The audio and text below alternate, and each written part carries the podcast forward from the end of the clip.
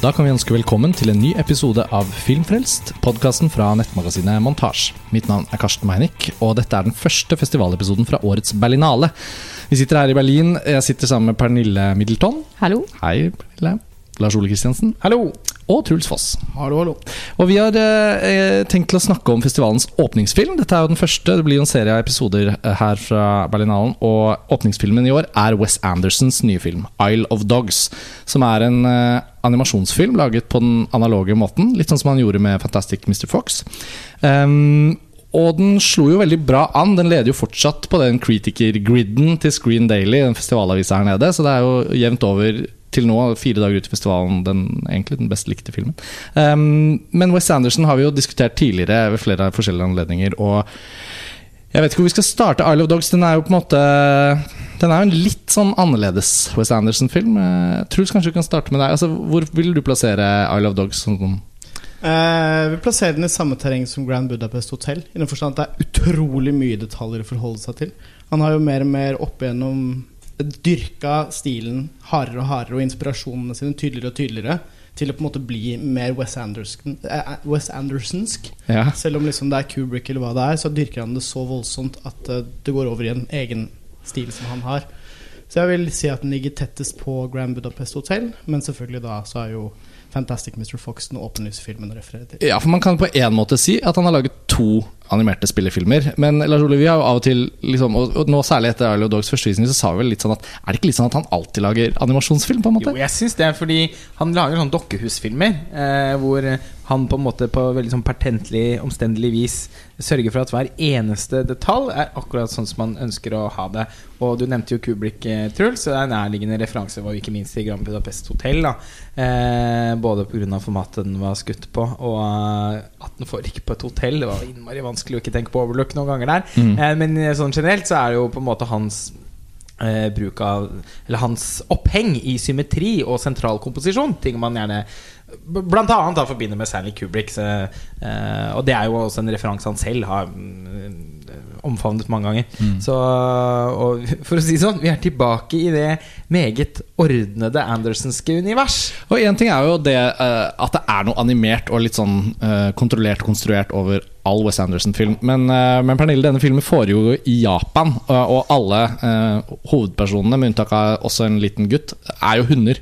Eh, kan du si litt om hva slags film dette er? på en måte? Hva slags univers vi er inne i? Ja, hva slags film er det egentlig? Det som, det som er så fascinerende med Wes Anderson, er at han i større og større grad de siste årene i hvert fall, han bygger jo univers helt fra scratch. Han skaper jo på en måte sin helt egne greie. Og eh, jeg syns det var utrolig morsomt hvordan han valgte at eh, hundene, som da er disse hovedrollene vi følger, eller den gjengen spesielt, da, de skal få lov til å snakke engelsk, mens de andre er på en måte mer eh, tilhører den virkelige verden eh, Mm. og prater sitt eget språk. Og så ha- havner vi jo da i så utrolig mange sånn lost in translation-situasjoner hvor eh, miskommunikasjon og Ja, og så spiller han jo på det, og det, det er utrolig flott og så kreativt. Jeg vil si at det er en av de mest kreative filmene jeg har sett fra Du ser den jo virkelig fra hundenes perspektiv. Ja, Ingen, ja, De er i hvert fall ikke de som forstår japansk. Da. Hvis, man, eh, hvis man forstår japansk, så blir det litt annerledes. Men hvis man ikke forstår japansk, så er liksom hele filmen sett fra hundenes perspektiv. Ja. Og så er det jo selvfølgelig et alternativt univers også når vi snakker om Japan. Eh, og, og jeg tenker at kulturspesifisitet og liksom referansespesifisitet blir litt sånn skrudd her òg. Fordi jeg personlig har aldri vært i Japan og kan, snakker ikke japansk og på en måte har sett mest om Japan på film. på en måte Eh, Men det er ikke vanskelig å se at eh, det Japan han skildrer i Isle of Dogs, er på en måte en variant av det japanske uh, i et slags Wes Anderson-prisme. Altså, jeg må slenge ordet til deg, Lars Ole. Så du har jo vært litt i Japan det siste året. da Ja. uh, Og nå forbinder jeg Japan litt med deg, siden min eh, oppfatning av Japan er så snever. Uh, hvordan var West Wes Andersons eh, på en måte i- Japan? Ja, men Det var ikke noe tvil om at jeg syns det var, ble litt ekstra morsomt. da Fordi det er jo noe fra før av, noe veldig japansk ved Wes Anderson. Nettopp denne trangen til at ting er så ordnet. Eh, en slags sånn hverdagen altså sånn, Jeg syns jo i det hele tatt at eh, Japan kan være litt sånn eh, Hverdagens symmetri, på en måte. Altså at det, det er så, alt er så ordnet. Eh, japanerne har en ordenssans som, vi, som er, oppleves som eksotisk for oss. Eh, og og det gjelder jo Wes Anderson også. Det er jo f.eks. en helt fantastisk scene i filmen hvor det er en uh, sushikokk som skal preparere et måltid. Og måten liksom Det urjapanske eh, og ur-Wes Andersonske. Ur- Wes Andersenske går opp i en høyere enhet der. Ja. Det er helt kostelig, det blir komisk. Ja. Og eh, jeg ble veldig forbløffa over hvor godt han klarte å utnytte Japan-kulissen til å lage sånn genuint andersensk humor. Og som du sier, Pernille, at, eh, og som du er inne på, Truls, at den føles liksom nesten ekstra kreativ og inspirert eh, selv til Wes Anderson å være. Han- Filmene hans er jo alltid veldig inspirerte og fulle av ideer. Men denne her blir, den får nesten et ekstra lag, fordi at han eh, med hell, syns jeg, eh, gyver løs på Han drar ut det beste han kan få fra japansk kultur. Ja. Altså, jeg tenker vi, vi får Og veldig detaljert. Altså sånn, Veldig. Det er sånn munnbind på omtrent hver åttende person. Eh, veldig sånn helt ned til minste detalj. Da, sånne helt sånn spesifikke ting som er gøy og det, Som signaliserer et veldig grundig arbeid. Ja, og Nå har vi ikke sagt noe om plott ennå, men jeg tenker jo at dette har det i seg til å være en ganske sånn spoilerfri episode. Men hvis noen av dere får lyst til å komme med noe som er litt spoiler, så får dere bare varsle det i forkant til lytterne. Så, så kan alle høre på her uten å, å få filmen ødelagt. Men kort fortalt, plottet her er jo da at Hva, hva heter denne byen? Mega, Mega City? Megasaki City? Megasaki. Megasaki. Megasaki, eh, hvor menneskene bor. Og hundene har rett og slett blitt på en måte kastet ut. Og de er henvist til en sånn søppeløy, som da er denne Isle of Dogs. Em, eh, og så er det da den Pack of Dogs der ute, som ledes av Chief, er det vel han heter? Alle hundene har sånne Ja. aktige navn. Chief Rex. Eh, Men de er samtidig også veldig opptatt av at Boss. De er samtidig også veldig opptatt av at ting skal eh, bestemmes i fellesskap. Ja. De må alltid Altså, det er stemme over ting. sånn, ja, er fint. gruppedynamikken i den hundegjengen. Stereotypien på hunder er veldig humoristisk. Ja, for de er demokratiske. Ja. Demokratisk anlagte. Altså Det er jo et kjærlighetsbrev til hunden. eh, og Vi fant det ut. Da vi, ja, vi satt jo og snakket om filmen i går, og så hørte jeg deg si tittelen litt kjapt. Og da hørte jeg I Love Dogs. Ja. Og Isle of Dogs er en litt sånn rar måte å si Dog Island eller The Island of Dogs på. Så det må jo være hensikt at, fi, at, at filmens tittel er en sånn eh, språklydvariasjon av I Love Dogs. For det er et kjærlighetsbrev til hunden som vesen. Og Kom- katten kommer jo ikke så veldig godt ut av det. Kattene kommer ikke noe godt ut av denne filmen. Nå kommer jeg på en av de morsomste detaljene i filmen, hvor det er sånn demonstrasjonstog mot Nå må vi snart faktisk komme inn på å presentere for Ja, mer, ja. Men det er sånn eh, Det er jo folk som protesterer mot eh, hunder. da De Ønsker at hundene de skal sendes til søppeløya. Og da er det så på et av de skiltene så står det 'No to dog'. Veldig morsom måte å parodiere japansk engelsk på. Og de andre No på andre andre siden av den politiske saken er pro dog. Ja. Men, men ok, så det er, et, eh, det er et politisk dynasti i denne byen eh, hvor eh, eh, han ordføreren, som vel heter noe sånn ja, Jeg holdt på å si, kombucha, men ja, altså, koyobuchi, sånn, ja, altså han Forskeren heter vel Watanabe, eh, og han eh, heter noe sånn annet. eh, Ja, Nå husker jeg ikke det på stående fot. Men uansett, eh, der er det en hund som har hatt i oppdrag å være eh, menneskets beste venn da, for eh, adoptivsønnen, på en måte fosterbarnet til denne ordføreren, en tolv år gammel gutt. Eh, men når det blir hundeforbud i byen, så blir denne høyt elskede Spots sendt som første hund til Hundeøya, hvorpå alle de andre da også utstøttes. Og så blir det da seks måneder senere kommer opp, og så eh, lever da disse utkastede hundene sitt eget liv på søppeløya.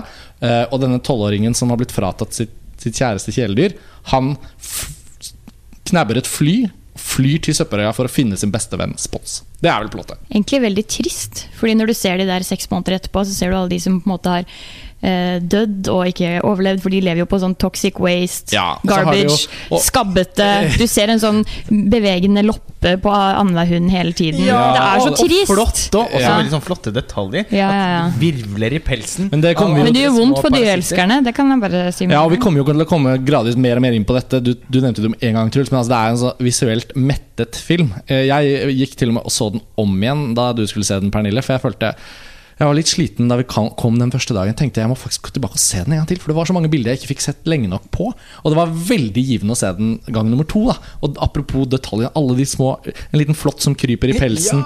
Ja, eh, og replikk, altså humoren i replikkene Wes Anderson, ikke overraskende selvfølgelig, men sånn, det er enda lettere å plukke opp når man liksom kan roe seg litt ned, fordi bildene er så mette. Da. Og legge merke til alle, alle de ja, sånn detaljer som dere snakker om. Sånn, når de havner i dogfights, så er de omringet av sånn alpakkaull som liksom skal være røyk. Det er utrolig mange fine detaljer. Og filmen kan nok med fordel ses fire, fem, seks ganger og oppdage nye ting hver gang. vil jeg tro. Ja, denne, Disse bomulldottene som kommer når de har slagsmål. Det er samme han brukte Fantastic Mr. Fox. I veldig mange tilfeller Utrolig morsomt, syns jeg. Mm.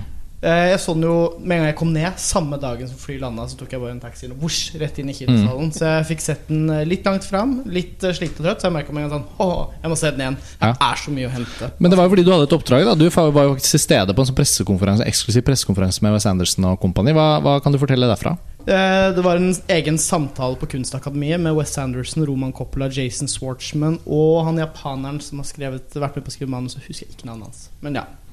Eh, Der snakka de egentlig liksom fram og tilbake om teknikker og hvordan de jobba sammen. Og det er tydelig at dette er en film som har oppstått En film som har oppstått litt sånn eh, med de hovedsakelig Jason Schwartzman, Wes Anderson og Roman Coppola har hengt på hotellrom, kost og hygga, tenkt over ting, sitter og prater og prater, skriver ned det de syns er fett, og så konstruert du ut fra det. da Mm. Og at de ikke har hatt noen sånne store De har ikke tenkt på liksom, Å, vi må diskutere klimakrisen eller et eller annet. Det er, det er Mm. ikke der filmen kommer ifra. Nei. Eh, En del av plottet som jeg glemte å si, eller som kanskje er viktig, er jo også at det er oppstått sånn hundeinfluensa. eh, I byen, og det er jo selvfølgelig den eh, igangsettende hendelsen for denne utkastingen av hundene. Men det er jo også et komplott som ligger bak. da Så det er mye sånn konspirasjonsteorier fra ma mange forskjellige rollefigurer her. Og hele den motstandsbevegelsen som er pro dog, der er det jo også en sånn amerikansk utvekslingsstudent i, studentavisen i den byen, eh, som er gitt stemme til av Greta Gerwig, som også har sånn sitt eget lille subplott bakenfor, innenfor det er, det er, liksom, Rollegalleriet her er jo liksom Jeg vet ikke hvor mange snakkende roller der er. 40-50? Innmari mange, som så ofte, da, Ja. hos eh, Ja da. Anderson. Det er ikke noe overraskelse, akkurat, men det er veldig Og alle her blir presentert med noen sånn særtrekk som gjør at man liksom litt må følge med på dem. det er vel den Wes Anderson-filmen med størst rollegalleri, tror jeg. Ja, det må det være, men det var veldig mange Grand Budapest Hotel Ja. også. Jeg tror det er enda mer. Ja, det er nok brått, det.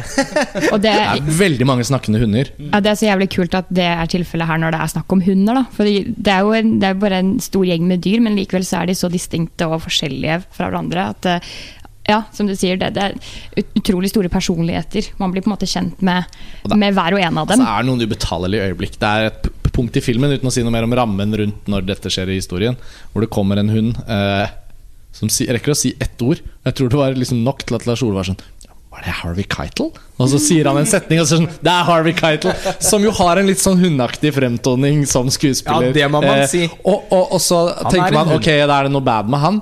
Og så blir det i løpet av tre replikker Så blir det også sykt gripende. da Fra å være en rollefigur som ikke har vært til stede i filmen. Så etter liksom kanskje 17-20 sekunder, så når han avbryter en replikk med et sånt ul Når han skal si noe, så er han litt sånn rørt av det. Så, så det liksom det lille, plutselig blir det litt sånn hundeaktig, eh, selv om de snakker engelsk hele tiden. Og det var sånn Han utnytter tiden i denne filmen så utrolig godt.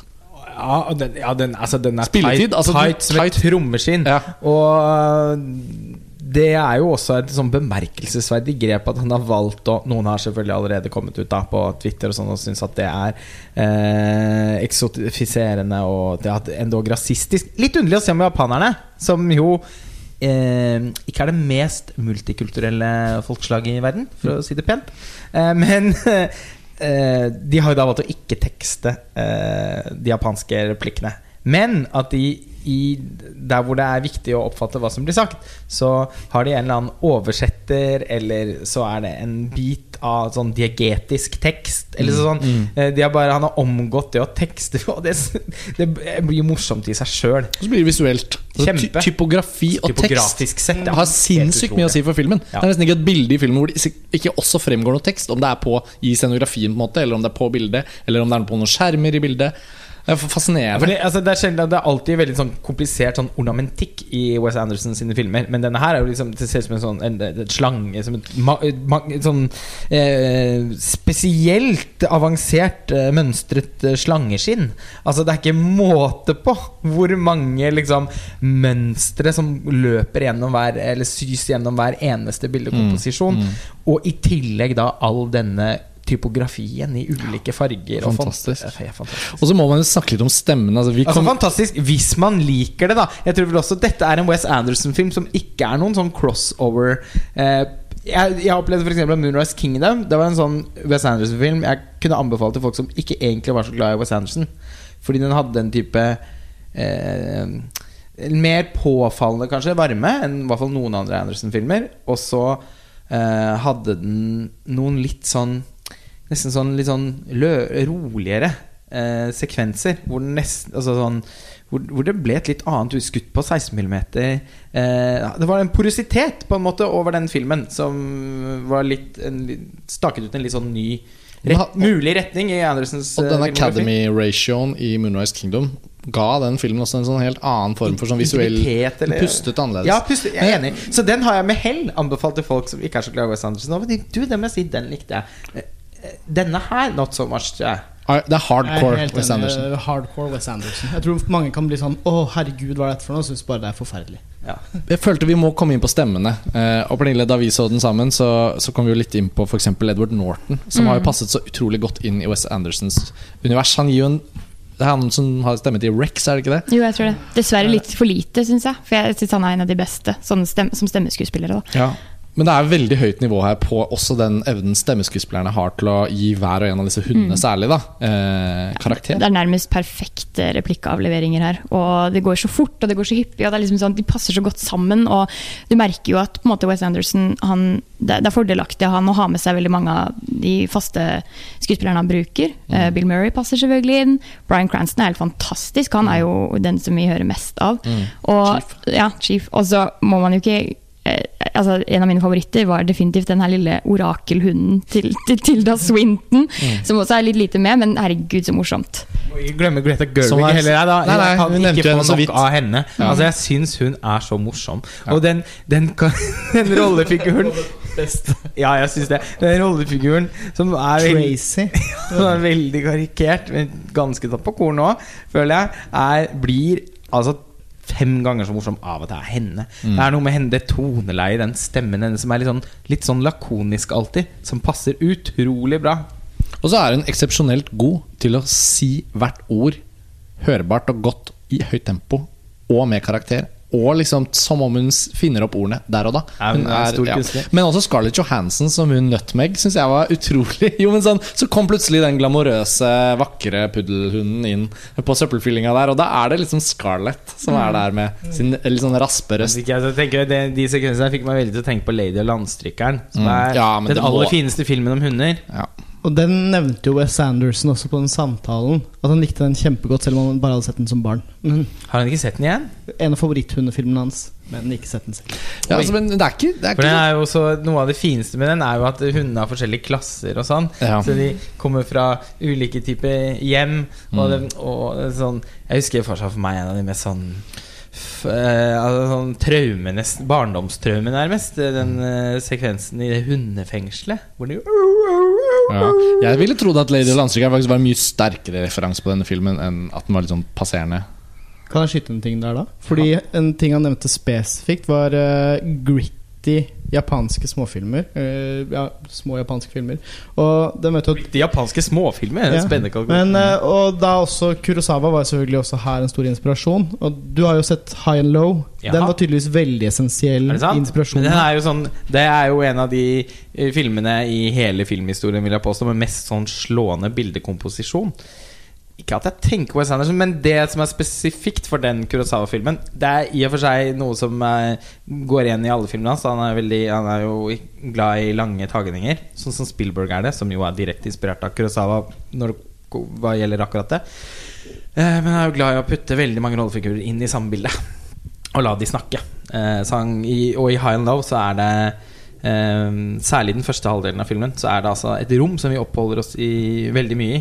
Hvor det stadig ko kommer flere og flere rollefigurer inn og inntar en posisjon i rommet. Altså Han setter det opp i sånne silhuetter og posisjoner, sånn at du skal kunne klare å følge med på alle samtidig. Samtidig som du kjenner at rommet blir mindre og mindre fordi eh, spenningen øker. Eh, problemene blir større og større for hvert minutt som går, og det blir fysisk flere og flere personer inne i rommet som skal mene noe om saken. Eller, altså, og akkurat det har nok kanskje noe litt som Wes Andersons coach. Det var ikke noe jeg tenkte på når jeg så filmen. Morsomt at han har nevnt den som referanse. Men det, det er faktisk da, Mens du snakket nå, så tenkte jeg sånn Vi har en film friskt i minne som får til noe lignende. Spielbergs The Post, som også går på kino nå for tiden. Hvor det er helt utrolig hva Spielberg klarer å gjøre med massevis av mennesker i små rom, og hele tiden holde oss konsentrert på historien og karakter. Men det er faktisk også sant da i Isle of Dogs, nå som vi snakker om det, at den der hundepacken, som består av fem, som ofte da kombineres med enda flere figurer, blir ofte veldig sånn elegant satt opp i bildet. Og en ting jeg tror vi snakket om etter den aller første visningen, Lars Ole, det var det at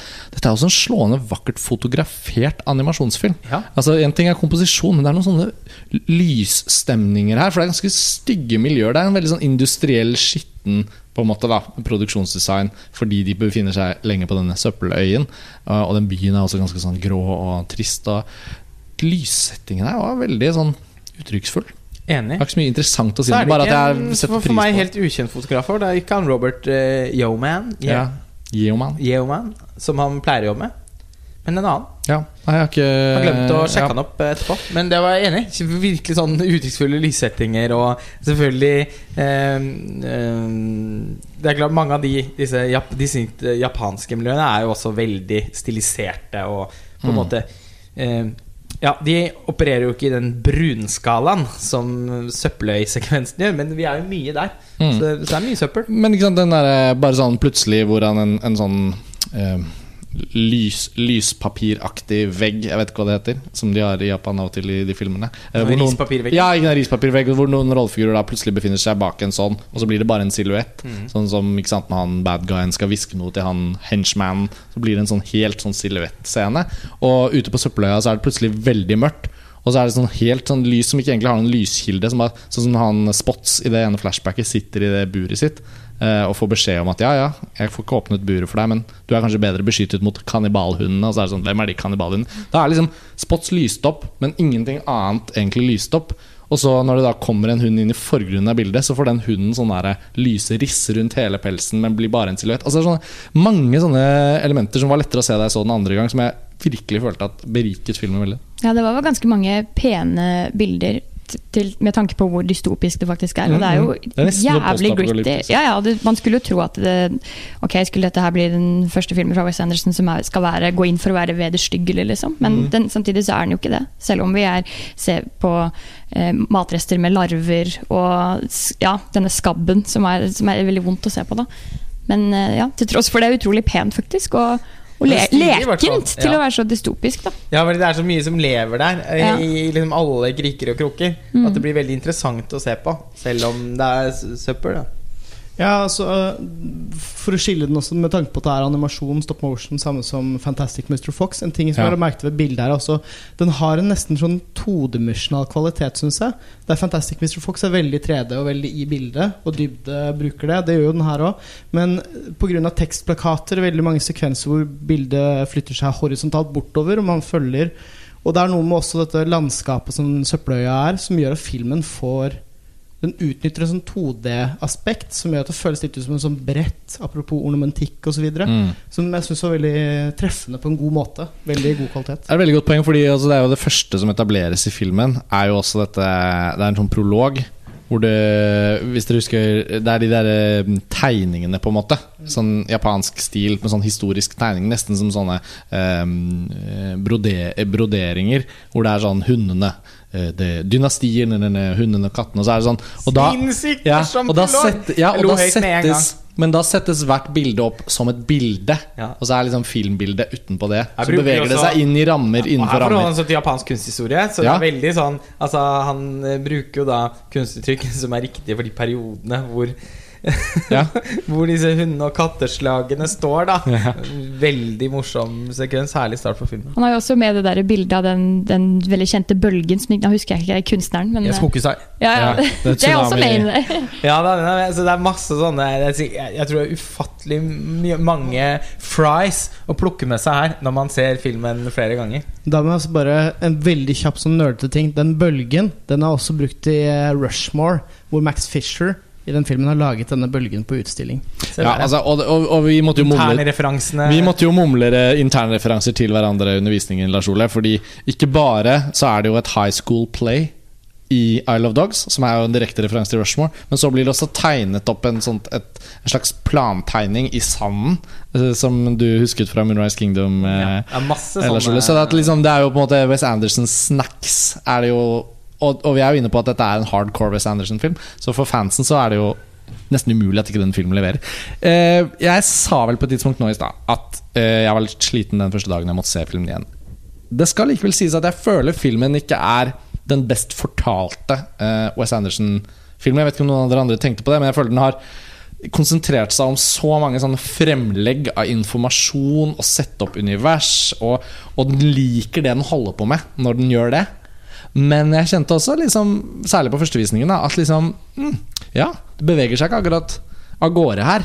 Det er veldig mye nye ting som legges fram. Nesten sånn hyperaktivt, eh, som om skal tilpasse seg liksom 14-åringer i dag, som er vant med å få alt mulig lagt fram i et bilde. Men Grensesnittestetikk, si. ja, litt sånn grensesnittestetikk. Eh, Det var noe sånn skjermbilde, skrivebord, veldig rotete skrivebord med masse åpne vinduer. på en måte Eh, Så det hjalp på andre visning, for da kunne jeg liksom slappe av mer med filmen. Men, men jeg følte at den ikke var opptatt av å være en så god historie. I hvert fall ikke første tredjedelen. da det var min opplevelse, og jeg har kun sett den én gang, så jeg må se den igjen for å liksom virkelig kunne gjøre meg opp en mening. Jeg hadde akkurat samme opplevelsen med første I Berlinalen 2014, med Grand Budapest Hotel, så var jeg også litt skuffa, for jeg følte liksom den emosjonelle tilknytningen og på en måte selve historien, hvordan den går fremover, ble litt, uh, falt litt i skyggen for alle de fete detaljene. Mm. Selv om jeg umulig ikke liker dem, men ja. Ja, jo, men det, det, jeg må slenge meg på den. Altså, jeg tenker, tenker også at jeg syns ikke det er eh, Wes Andersons eh, liksom, hovedverk som historieforteller.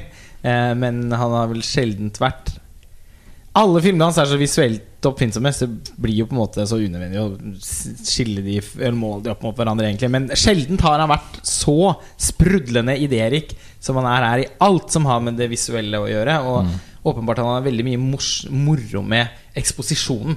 Eksposisjonen i film kan også være veldig kjedelig. Her er det helt motsatt. Her er det nesten mindre interessant når selve historien skal fortelles og snøres sammen. Det er et veldig godt poeng. Altså, han, det er så åpenbart at han elsker å holde på med den eksposisjonbiten her. Sånn at det er ikke sånn at det liksom er feil. Nei. Men da blir det litt som tilskuer litt sånn Hvor skal jeg plassere hjertet mitt mens jeg ser denne filmen? Det var også det inntrykket jeg fikk etter den samtalen. Da, da satt jo de, Man fikk inntrykk av at det var en film laget eh, på Post-It-lapper på soverommet, hvor de syntes bare det var gøy å sitte og drodle på ideer. Ja og, men du nevnte i stad bare sånn Fordi først Før du kom inn på Kurosawa, så sa du sånn smale, rare japanske filmer. Nevnte han også noe om det? At han var inspirert av merkeligere ting? Nei, han Nei. refererte kun til Kurosawa da. Eh, men han sa liksom lavbudsjetts indie-japansk film, og gjerne thrillere. Og Det var- gritty okay. gangsterfilmer. Så det var liksom også en mm, så det var mye mer enn Kurosawa. Det var ja, ja. Selv om ja, jeg er enig med dere med at liksom, det er estetikken som rår, og det er sikkert mange som vil tenke det.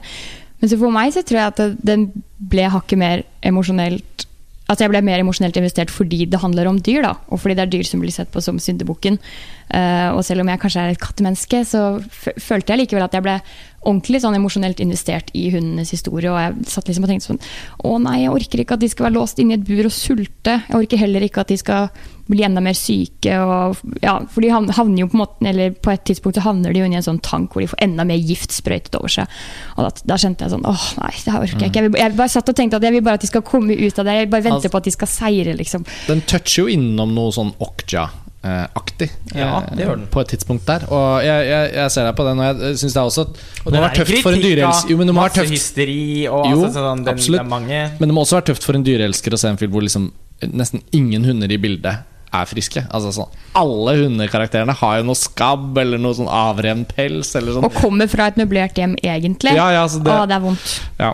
Men altså, avslutningsvis nå, siden vi skal Det blir jo festivalepisoder er jo gjerne litt mer begrensede enn de vi, de, de vi lager hjemme. Vi har ikke liksom Ubegrenset endeløst med tid. ubegrenset med tid. Så men, eh, hvor står denne hos West Anderson for dere, da? Det er jo en sånn Det er jo en autør vi har så inn i blodet at vi må jo kunne ta en kort runde på det før vi, før vi legger på røret. Ja, Mine favorittfilmer av Wes Anderson er Moonrise Kingdom og Rushmore. Eh, og så er det liksom et parti på midten som, som, jeg, som også er filmer jeg syns er helt nydelige.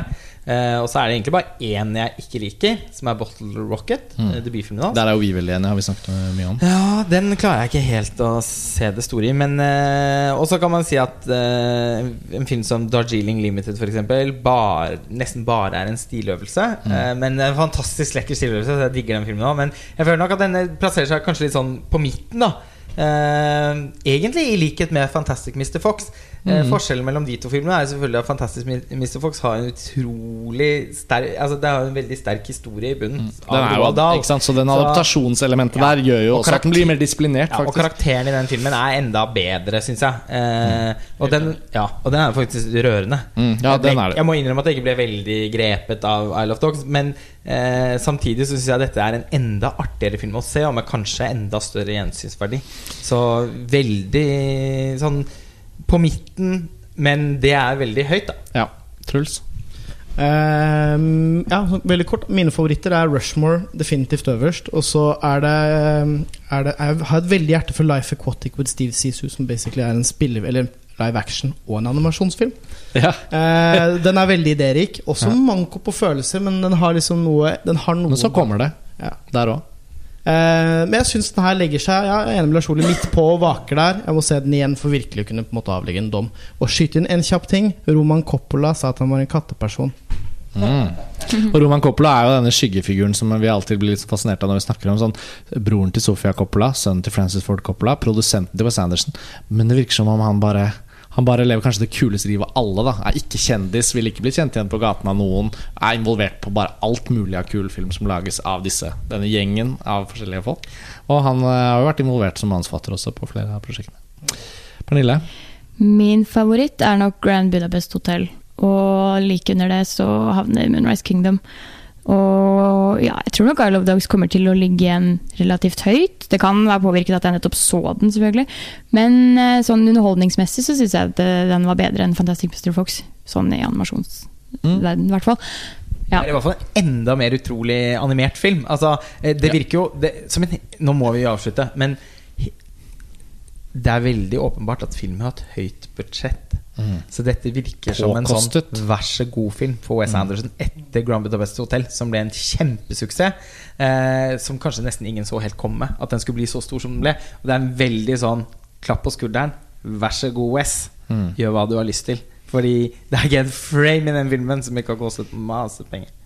Og jeg er enig med deg, Pernille, at den animasjonsvirtuositeten her er jo faktisk virkelig noe å ta med seg. Eh, ja, jeg får avslutte. Rushmore er mitt hjertebarn hos Wes Anderson. Har det alltid vært, liksom. Det var den første Wes Anderson-filmen jeg så, og det er fortsatt min favoritt. Og den har jeg sett mange, mange ganger. Royal Tenenbaums har jeg alltid prøvd å elske, og jeg har sett den mange ganger. Jeg har aldri klart å elske den, men jeg syns jo selvfølgelig den er veldig bra. Eh, Grand Budapest Hotel syns jeg var en sånn skikkelig sånn wow, akutt opptur. Eh, jeg hadde også vært på reise nesten uten å ha vært på kino i mange måneder før jeg så den. Så det var sånn første vanlige kinofilmen nesten på et halvt år, føltes det som. Jeg, sånn, jeg hadde så underskudd på sånn, den typen film. Eh, og Moonrise Kingdom er jo også en veldig spesiell film. Blant annet for oss, Lars Ole. For vi så den under så utrolige omstendigheter. Du skal ikke ta den nå. Men jeg syns I Love Dogs virkelig For jeg har jo hatt gleden av å se den to ganger. da Jeg er litt eksklusiv her i selskapet. Og den tok seg veldig opp. Altså Den tok seg skikkelig opp som sånn Som sånn ri, Rikdommen i filmen fikk jeg mye mer øye på. Og det var eh, veldig gøy. Ok, da er vi ved veis ende. Det var den første Berlinale-episoden. Det kommer flere. Um, åpningsfilmen Isle of Dogs er jo da også selvfølgelig satt opp en norsk kinopremiere i april. Så det er ikke så lenge til. Um, ja, takk for denne gang. Takk for nå. Ja, ha det bra.